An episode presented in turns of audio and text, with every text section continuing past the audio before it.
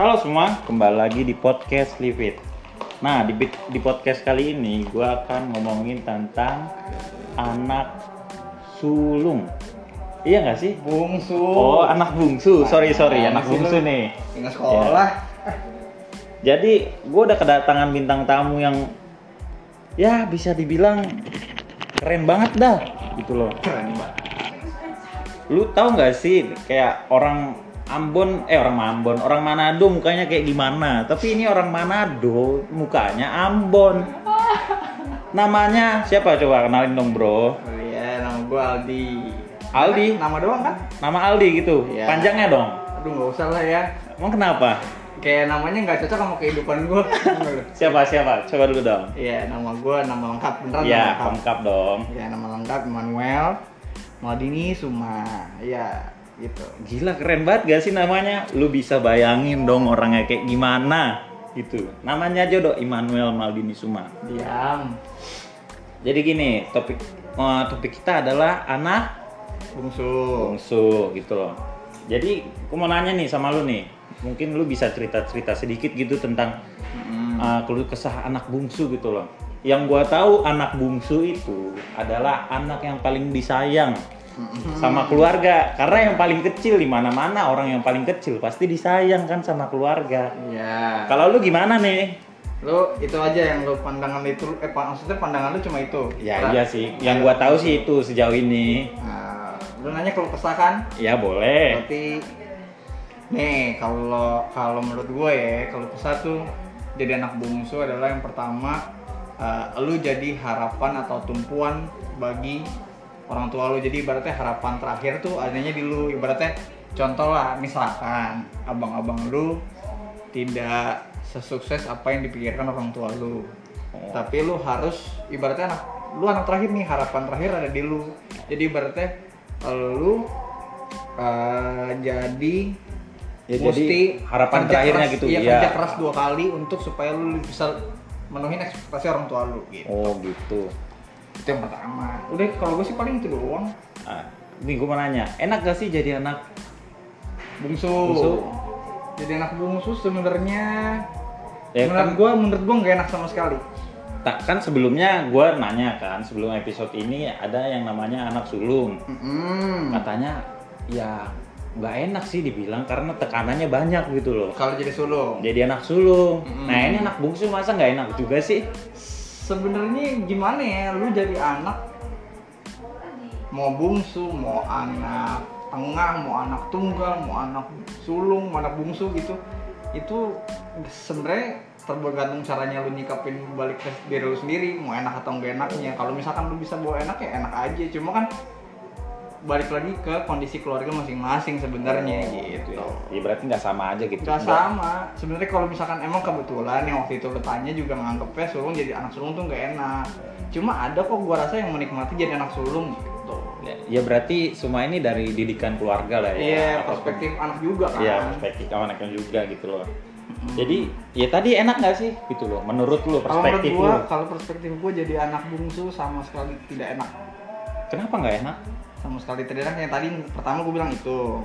Terus yang kedua apa ya? Jadi anak bungsu tuh lu contoh lah misalkan ibu lu bekerja pada saat umur 24 dia punya anak pertama dan kedua di umur dia udah mau dekat-dekat 50 eh udah mau dekat-dekat 60 misalkan contoh lah udah 55 Ya, itu di masa-masa itu tiba-tiba lahir nih lu. Atau enggak ibaratnya di umur 40 lahir lalu malu tiba-tiba pas lu udah gede udah pensiun.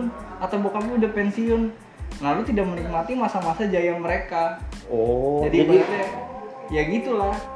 Jadi kebetulan aja lu lahir di Gua ya lahir- orang tua lu udah agak berumur gitu lah ya. ya udah berumur. Berapa umur berapa? nyokap gua umur 5 eh 5 lap tahun ini 59 Oh, tahun ini 59 bokap gua tahun ini 61 Berarti lahir di empat hampir 40 lah ya. Mm-mm. Lu iya benar sekitar segitu. juga ya. Nah, gitu jadi nih ya, pertanyaan gua selanjutnya buat lu nih. Kayak eh, lu dekat nggak sih sama keluarga gitu loh biasanya anak kecil nih anak yang paling kecil yang paling itu Hmm. pasti kayak dekat dengan abangnya lah dekat dengan eh, orang tua atau siapa gitu loh. Kalau dibilang deket ya kayaknya nggak deket maksudnya se sewajarnya kayak lu ya kayak lu dimanja gitu loh sama semua orang yang ada di rumah gitu. Hmm, enggak sih cuma kalau diman- dimanja sih kayaknya enggak. Cuma maksud gua kayak gua sih ngerasanya gua lebih untuk sekarang ya karena gua mungkin masih kuliah juga jadi gue yang diprioritaskan gitu loh. Oh yang dia apa apa iya gitu ya. didahulukan dulu kebutuhan kebutuhan gue tuh biasanya oh ini Aldi dulu gitu. Biasanya gitu. Mereka lah yang ngepost ngepost untuk deh nih Aldi dulu Aldi dulu gitu. Ya kalau sepengalaman gue ya gue lihat adik gue gitu. Hmm. Eh, adik gue tuh tipikal orang yang dimanja banget gitu sama keluarga. Ya karena dia paling kecil kayak eh, apa pun kebutuhan dia tuh kayak di langsung terpenuhi. Gimana sih? Nah, kayak lu minta sedikit mah mau ini dong langsung ada ah mau ini dong langsung ada. Beda gitu sama abang-abangnya apalagi sama gue gitu kayak gue mau mendapatkan sesuatu aja gue harus kerja keras sendiri gitu loh. Hmm.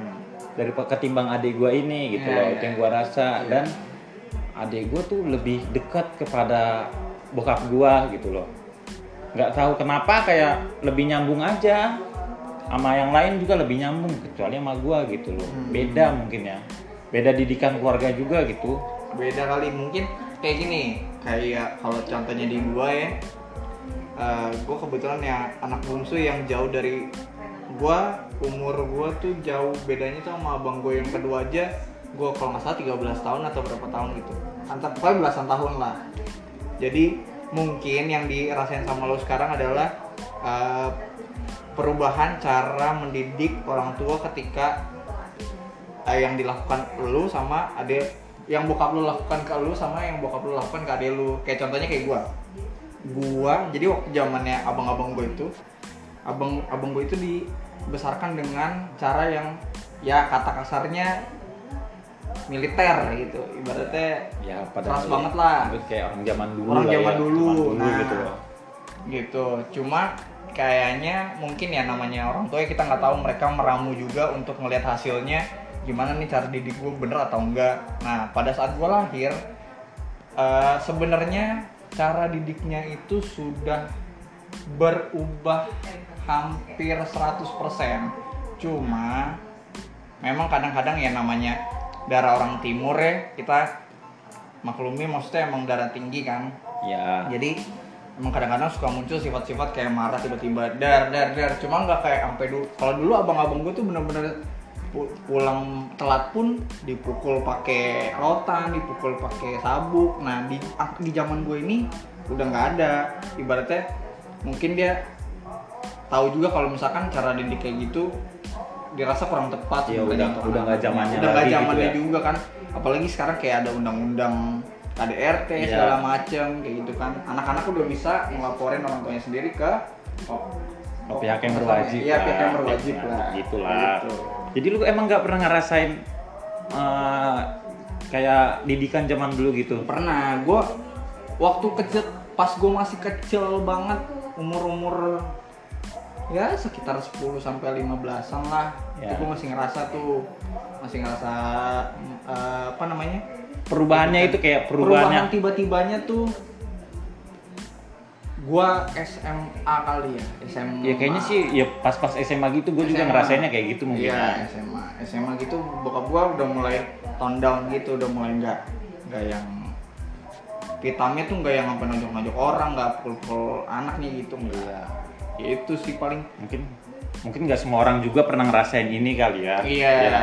cuma kan emang Di- kayak gini nggak semua nggak semua orang tua kayak gini ya makanya iya mungkin kebanyakan kebanyakan dari atau- daerah timur dan juga orang-orang keras gitu orang-orang Batak biasanya Mm-mm. gitu loh. Tapi nggak semuanya ya mohon Nggak maaf nih nggak nggak semua orang semuanya. Batak dan nggak semua orang Ambon nggak semua orang Batak nggak semua orang Timur gitu enggak iya. Cuma emang ada beberapa mungkin. Nah kebetulannya salah satunya ada dari kita berdua ada yang kayak begitu. Iya.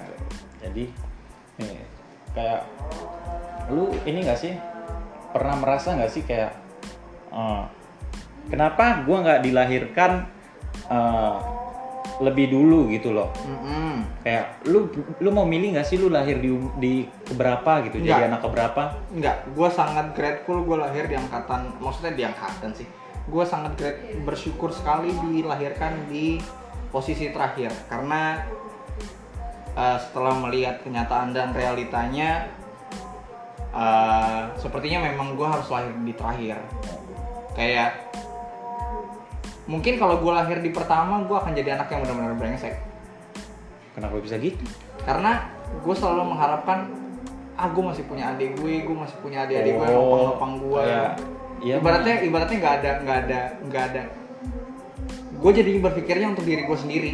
Gue Iya. nggak berpikir untuk keluarga gue mengalihkan tanggung jawab lu lah ya Iya. ke yang lain gitu loh. Sementara pada saat gue lahir di umur gue yang sekarang di posisi gue yang terakhir ini anak ketiga dari tiga bersaudara gue jadi merasa lebih bertanggung jawab lah kasarnya. Sebenarnya mereka juga harusnya eh, nggak nggak merasa ditanggung jawab sama gue ya cuma eh, gimana ya balas budi aja lah gue sebagai anak terakhir karena mereka ya namanya orang tua gue ya udah membesarkan gue segala macem kan. Terus abang-abang gue yang udah ngebantu gue dari kecil sampai sekarang gitu.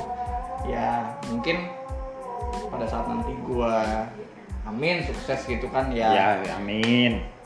Ya itu balas budi gue ke mereka gitu. Ya.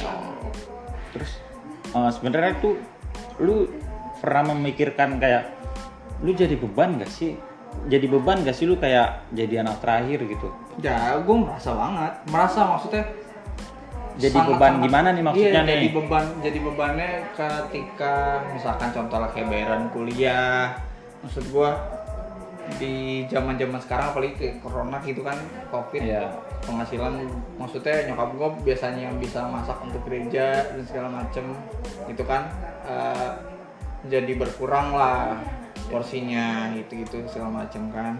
Terus ya pokoknya gitu kayak perkuliahan gue merasa di umur bahkan gue sangat menyesali gue semester 1 dan semester 2 gue itu hancur karena itu berakibat gue bisa bukan bisa lagi udah pasti gue lulus terlambat. Gue bisa lulus setelah setengah tahun. Jadi ibaratnya itulah gue merasa sangat jadi beban sebenarnya. Makanya ketika gue lulus nanti dan amin amin sukses ya sukses gitu amin lah. Ya sukses mah semua orang juga Ya, pasti gitu loh pasti gua- ada ininya. ya itulah balas budi gue ketika gue berhasil jadi orang seenggaknya gue nggak lupa sama mereka gitu ibaratnya. sebenarnya gue juga gue mau cerita sedikit nih kayak gue juga walaupun gue anak tengah gitu loh anak tengah anak ketiga dari empat bersaudara gue laki-laki paling pertama gue kayak eh, jadi beban gitu buat diri gue buat diri Ya. gue karena pertama gue anak laki-laki pertama gitu loh anak laki-laki jadi berarti kakaknya nih buat info aja ya guys Iya. kakaknya itu yang pertama dan kedua adalah perempuan Iya, anak gitu. yang ketiga dan keempat itu adalah laki-laki anak gitu. tiganya ini si Gilbert ini gua ini gitu loh jadi jadi beban buat gua karena ma- untuk adat ya Batak gitu loh keluarga gua kayak masih kental banget dengan adat Batak ini jadi laki-laki itu adalah uh, melanjutkan sebuah keluarga ini gitu Mm-mm. jadi ya mungkin bisa jadi beban juga buat gua karena yang pertama uh, gua adalah uh, orang yang pertama yang mewariskan uh, suatu marga ya marga gua atau keluarga gua gitu loh Hmm. yang mewariskan itu menjadi beban buat gua karena kayak eh, gua akan mencontoh pertama ya gua pasti akan menjadikan diri gua sebagai contoh adik gua dan juga menjadi contoh kayak keluarga gua nih kayak gimana sih gitu Hmm. Hmm.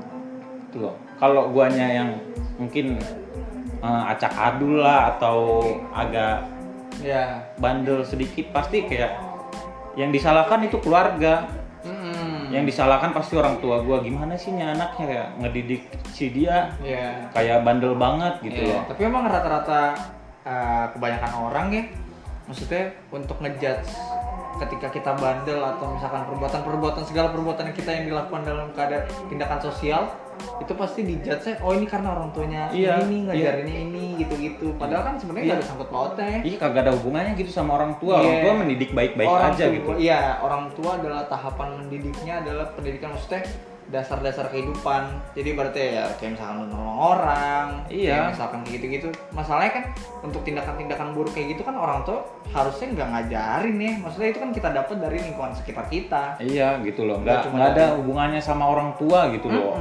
Mana ada sih orang tua yang ingin mengajarkan anaknya hal-hal yang buruk iya gitu loh. betul betul betul Kayak stop lah untuk kayak menghujat keluarga gitu loh. Gue jadi Hmm. kayak beban menurut gua gitu loh.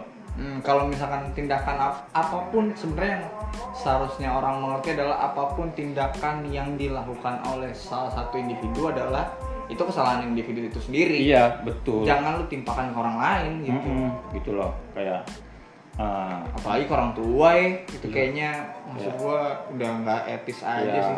iya apalagi orang anak tersebut yang kayak menyalahkan orang tuanya gitu loh Nah, kenapa iya. sih didikan orang tua gue kayak gini kenapa Hmm. sih didikan orang tua gue kayak gini menurut gue sih yang enggak enggak salah orang tua gitu loh karena dia dia menerima didikan itu dari zaman dulu untuk menjadi orang gitu loh Iya. buktinya orang-orang zaman dulu bisa ya mungkin Iya. ada risetnya atau gimana Ah, lebih kreatif dan lebih eh, pekerja keras gimana sih hmm. bilangnya ya kayak orang-orang dulu tuh lebih lebih giat gitu loh ya ketimbang orang-orang yang sekarang gitu loh mungkin dia masih mau mendidik yang seperti itu walaupun Iya. sudah ketinggalan zaman ya menurut Iya. gua gitu loh kalau yang gua tangkep ya eh, gua pernah dengar omongannya dari mana gitu orang tua lu saat ini itu sebenarnya adalah versi terbaik dari eh, orang tuanya mereka sebelumnya. Jadi berarti Oh, cara iya. didiknya mereka orang misalkan cara kalau di gua opa kan panggil ya apa kakek. Kakek kakek cara kakek. didiknya kakek gua itu diturunkan ke bokap gua.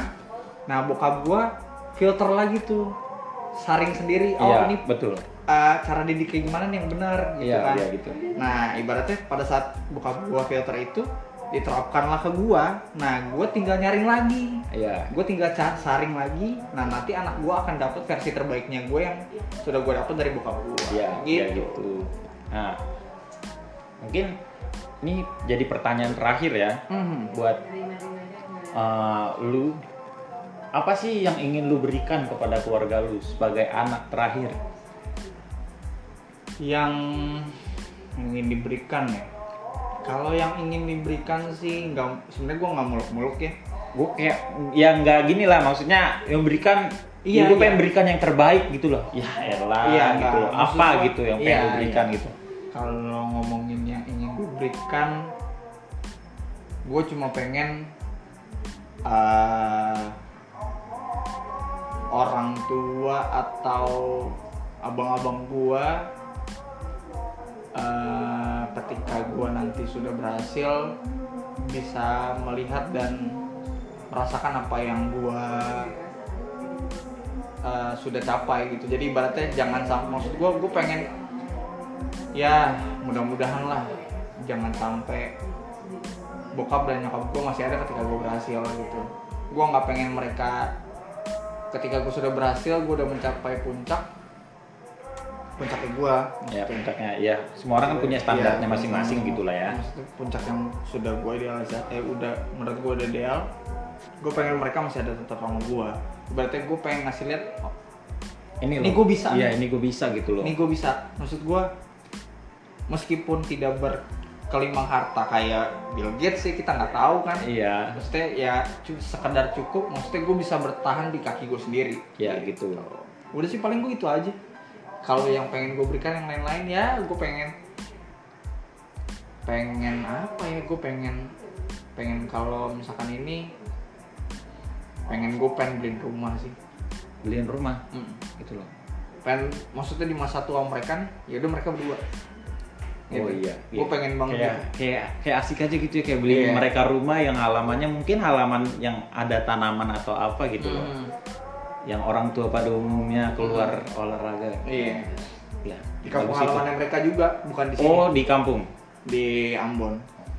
Gue pengen mereka balik ke sana berdua aja mereka di sana. Jadi ketika apalagi gue nanti sudah berkeluarga gitu kan kita nggak ada yang tahu gue sudah berkeluarga ya gue bahagia dengan keluarga gue di sini dan mereka juga senang di sana.